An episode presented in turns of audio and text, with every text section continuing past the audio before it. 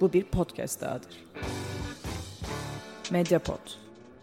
İletişim için mediapod.com ya da @mediapod.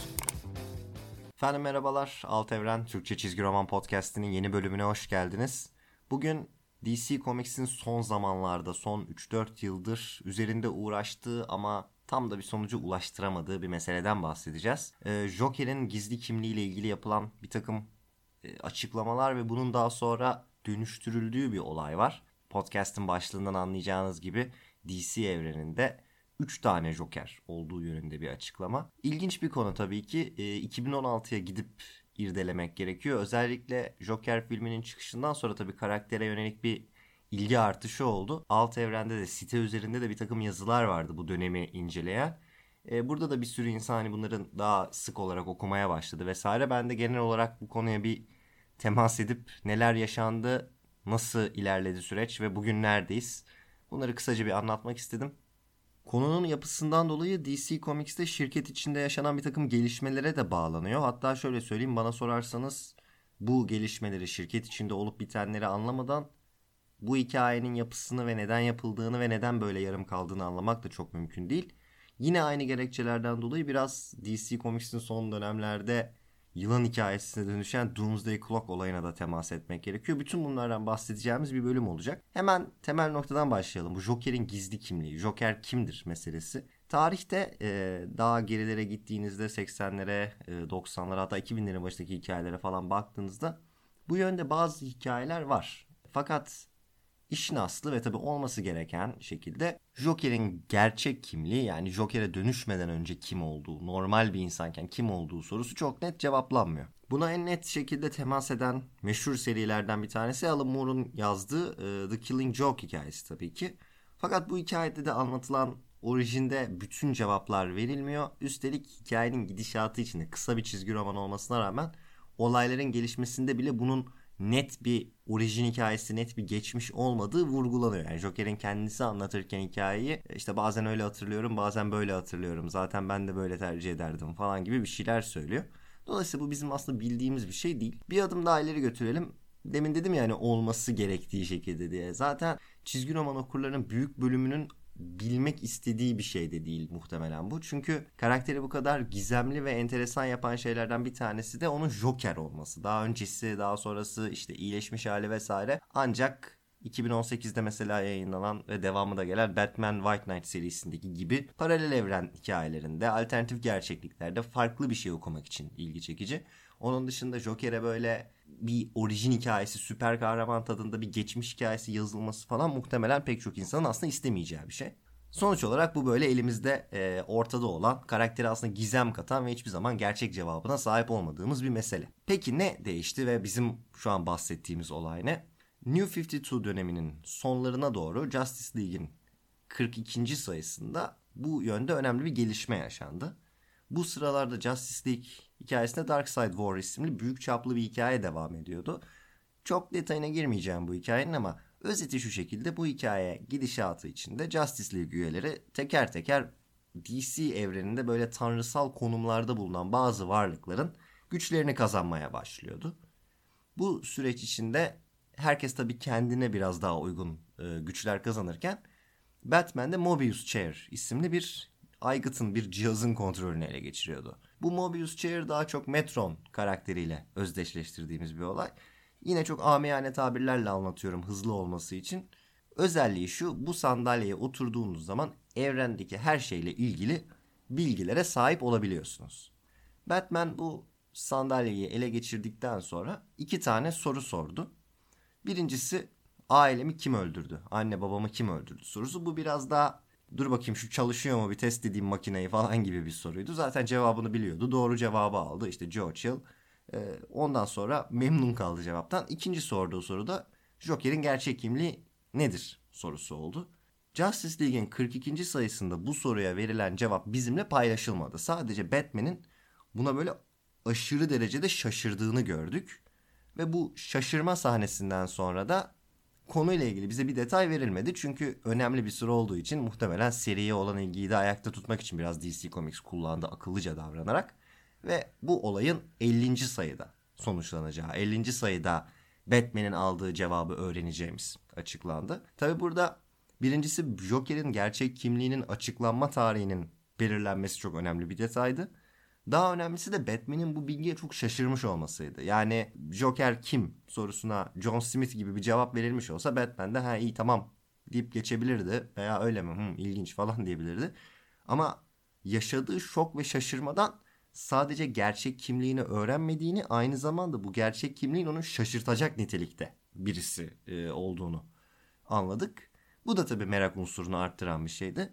Dolayısıyla 42. sayıdan itibaren bu konuda bir bekleme süreci başladı. 43, 44, 45, 46 öyle uzun süre Joker'in gerçek kimliği olarak ne açıklanacak bunu beklemeye başladık. Daha sonra da şöyle bir şey oldu. 50. sayı gelip çattığında tabii ki e, bize Joker'in gerçek kimliği açıklanmadı. Sandalyenin verdiği ve Batman'i bu kadar şaşırtan cevabın 3 tane var. 3 Joker var şeklinde bir cevap olduğu anlaşıldı. Bir başka deyişle burada bize asıl cevabı vermek yerine yeni bir gizem, farklı bir gizem yaratılmış oldu. Bu da tabii okuyucular nezdinde biraz karışık tepkilere yol açtı. Ve size şu ana kadar aktardığım bütün bu süreçler yaklaşık olarak 2016 yılında gerçekleşti. Şu anda 2020'ye yaklaşmış durumdayız. Dolayısıyla hani aradan neredeyse 4 sene geçmiş olması gibi bir durum var. Şimdi de asıl konumuza dönelim. Bu 4 sene içinde neler yaşandı, ne gibi gelişmeler oldu? Öncelikle bu 3 Joker açıklaması tabii biraz hayal kırıklığı yaratan bir açıklama oldu. Çünkü 42. sayıdan 50'ye kadar bir bekleme süresi yapıp sonra söz verdiğiniz şeyi açıklamayınca e, okur ilgisinde zaten bir azalma oldu bu konuya karşı. Fakat tabii yine de merak uyandıran bir açıklamaydı. Şöyle bir durum yaşandı. Justice League'in 50. sayıları aşağı yukarı New 52'nun sona erdiği ve Rebirth döneminin başladığı süreçti. Dolayısıyla burada o kadar fazla önemli gelişme yaşanıyordu ki işte e, Wally West'in geri dönmesi, genel olarak Rebirth sürecinin yaşanması, işte Watchmen'le ilk kez yapılan bağlantılar vesaire vesaire derken bu olay biraz unutuldu veya unutturuldu. Rebirth sürecinin başında o Rebirth'ü başlatan meşhur Rebirth sayısında Batman'in bu konuya kafa yorduğunu gördük. İşte Mobius Chair bana 3 tane olduğunu söyledi bu ne demek falan diye üzerinde düşündüğünü gördük. Ama ondan sonra bu konu biraz arka planda kaldı. Zaten arka planda kalırken Batman serilerinde Rebirth döneminde daha önemli bir gizem ortaya çıktı. Bu işte Watchmen'deki o gülen yüz rozetinin belirmesi, bununla ilgili araştırmalar, işte Batman'in daha sonra kendi serisinde çok büyük rol oynayacak babasının alternatif bir evrenden geri dönmesi vesaire gibi bir sürü olay yaşandı. Ve bu olay giderek arka planda arka planda kalmaya başladı ve büyük ölçüde şu anda unutulmuş bir konumda. Burada tabii şöyle bir şey önemli. 3 Joker hikayesinin cevabı olarak gerçekten bu adı taşıyan e, The Three Jokers, 3 Joker isimli bir serinin yayınlanacağı duyuruldu. Ve bu serinin yaratıcı kadrosu da bütün Justice League 42-50 arasındaki süreçte de bu süreci yaratmış olan e, Jeff Jones ve e, Jason Fabok olarak açıklanmıştı. Dolayısıyla hani burada bir şekilde onun devam edeceğini göstermeye çalıştılar. Fakat aradan geçen süreçte bu seride de herhangi bir gelişme çok yaşanmış değil. E, arada serinin çizeri Twitter'dan bu konu üzerinde çalıştığına dair bazı paylaşımlarda bulunuyor. Dolayısıyla %100 olarak rafa kalkmadığını biliyoruz. Yine geçtiğimiz günlerde DC'nin yeni oluşturduğu Black Label etiketi altında çıkacağı açıklandı. Hani bu da serinin bir noktada geleceğine yönelik bir ipucu olarak görülebilir. Ama şu anda bu konu büyük ölçüde e, unutulmuş durumda. Biraz böyle üstü kapanmış durumda. Bunun arkasındaki en büyük sebeplerden bir tanesi de az önce dediğim gibi yazar Jeff Jones ile alakalı. Jeff Jones e, DC Comics'te bu hikayeyi yazarken New 52 sürecinde Justice League'in yazarıydı zaten ve bu hikaye aslında onun fikriydi.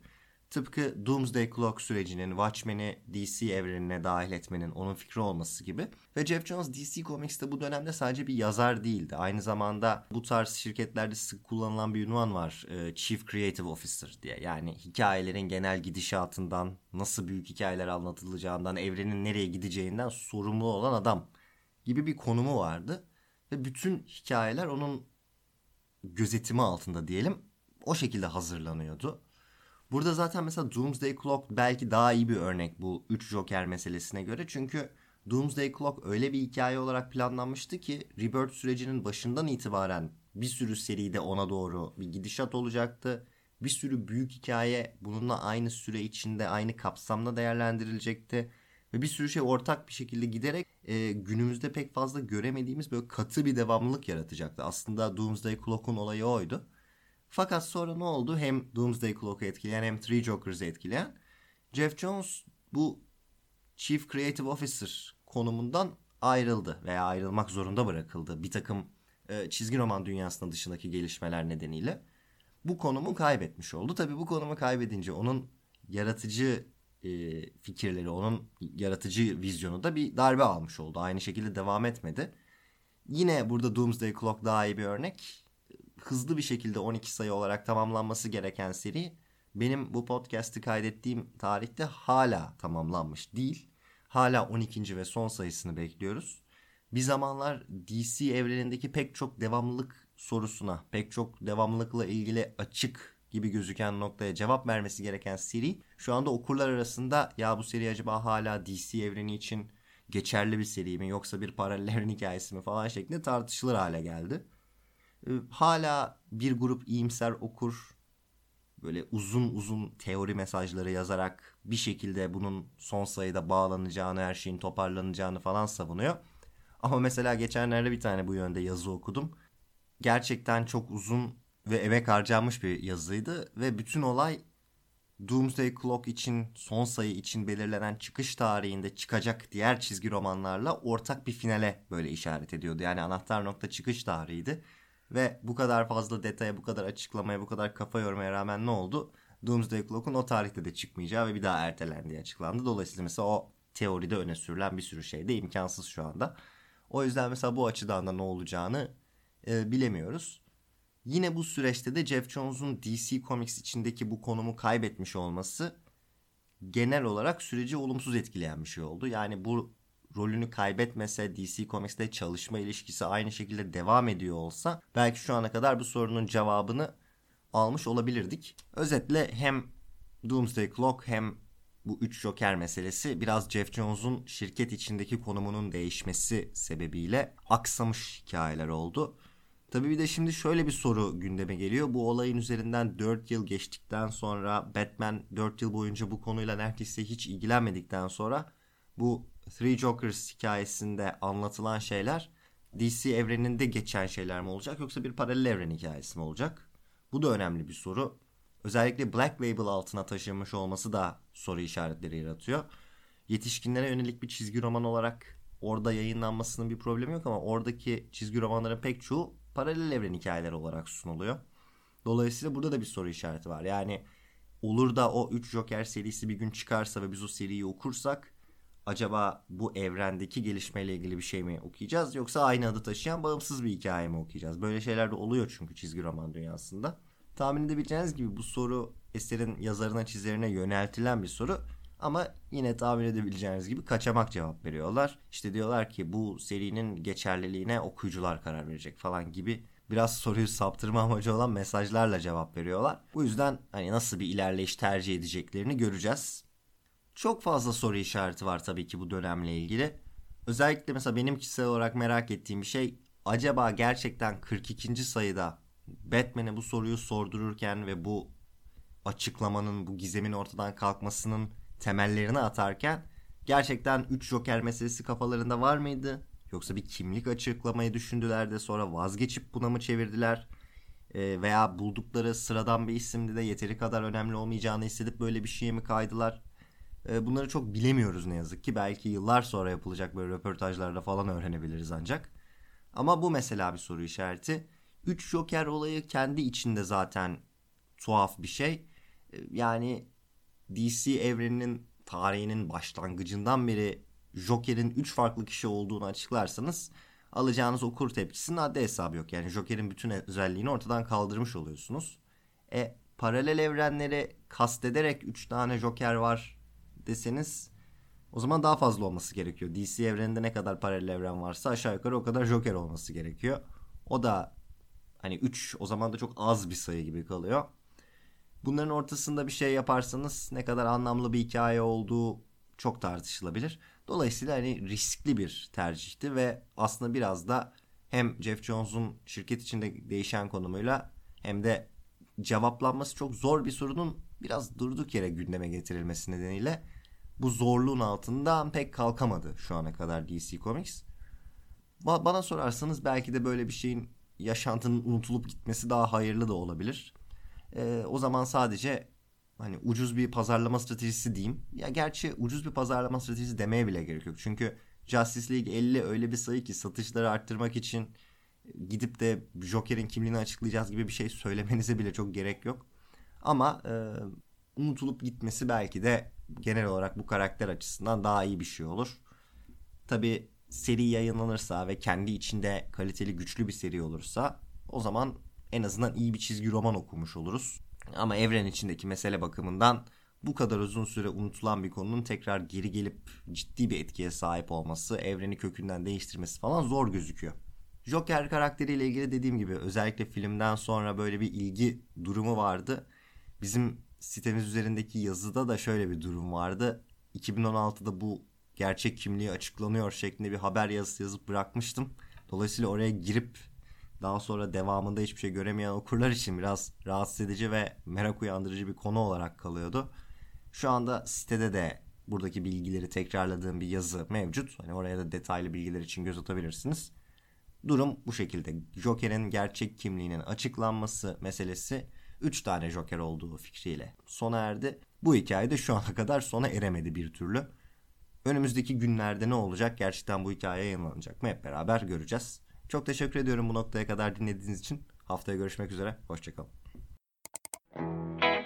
Medyapod'un podcastlerine Spotify, Google Podcast, iTunes ve Spreaker üzerinden ulaşabilirsiniz. Medyapod'u desteklemek için patreon.com slash medyapod.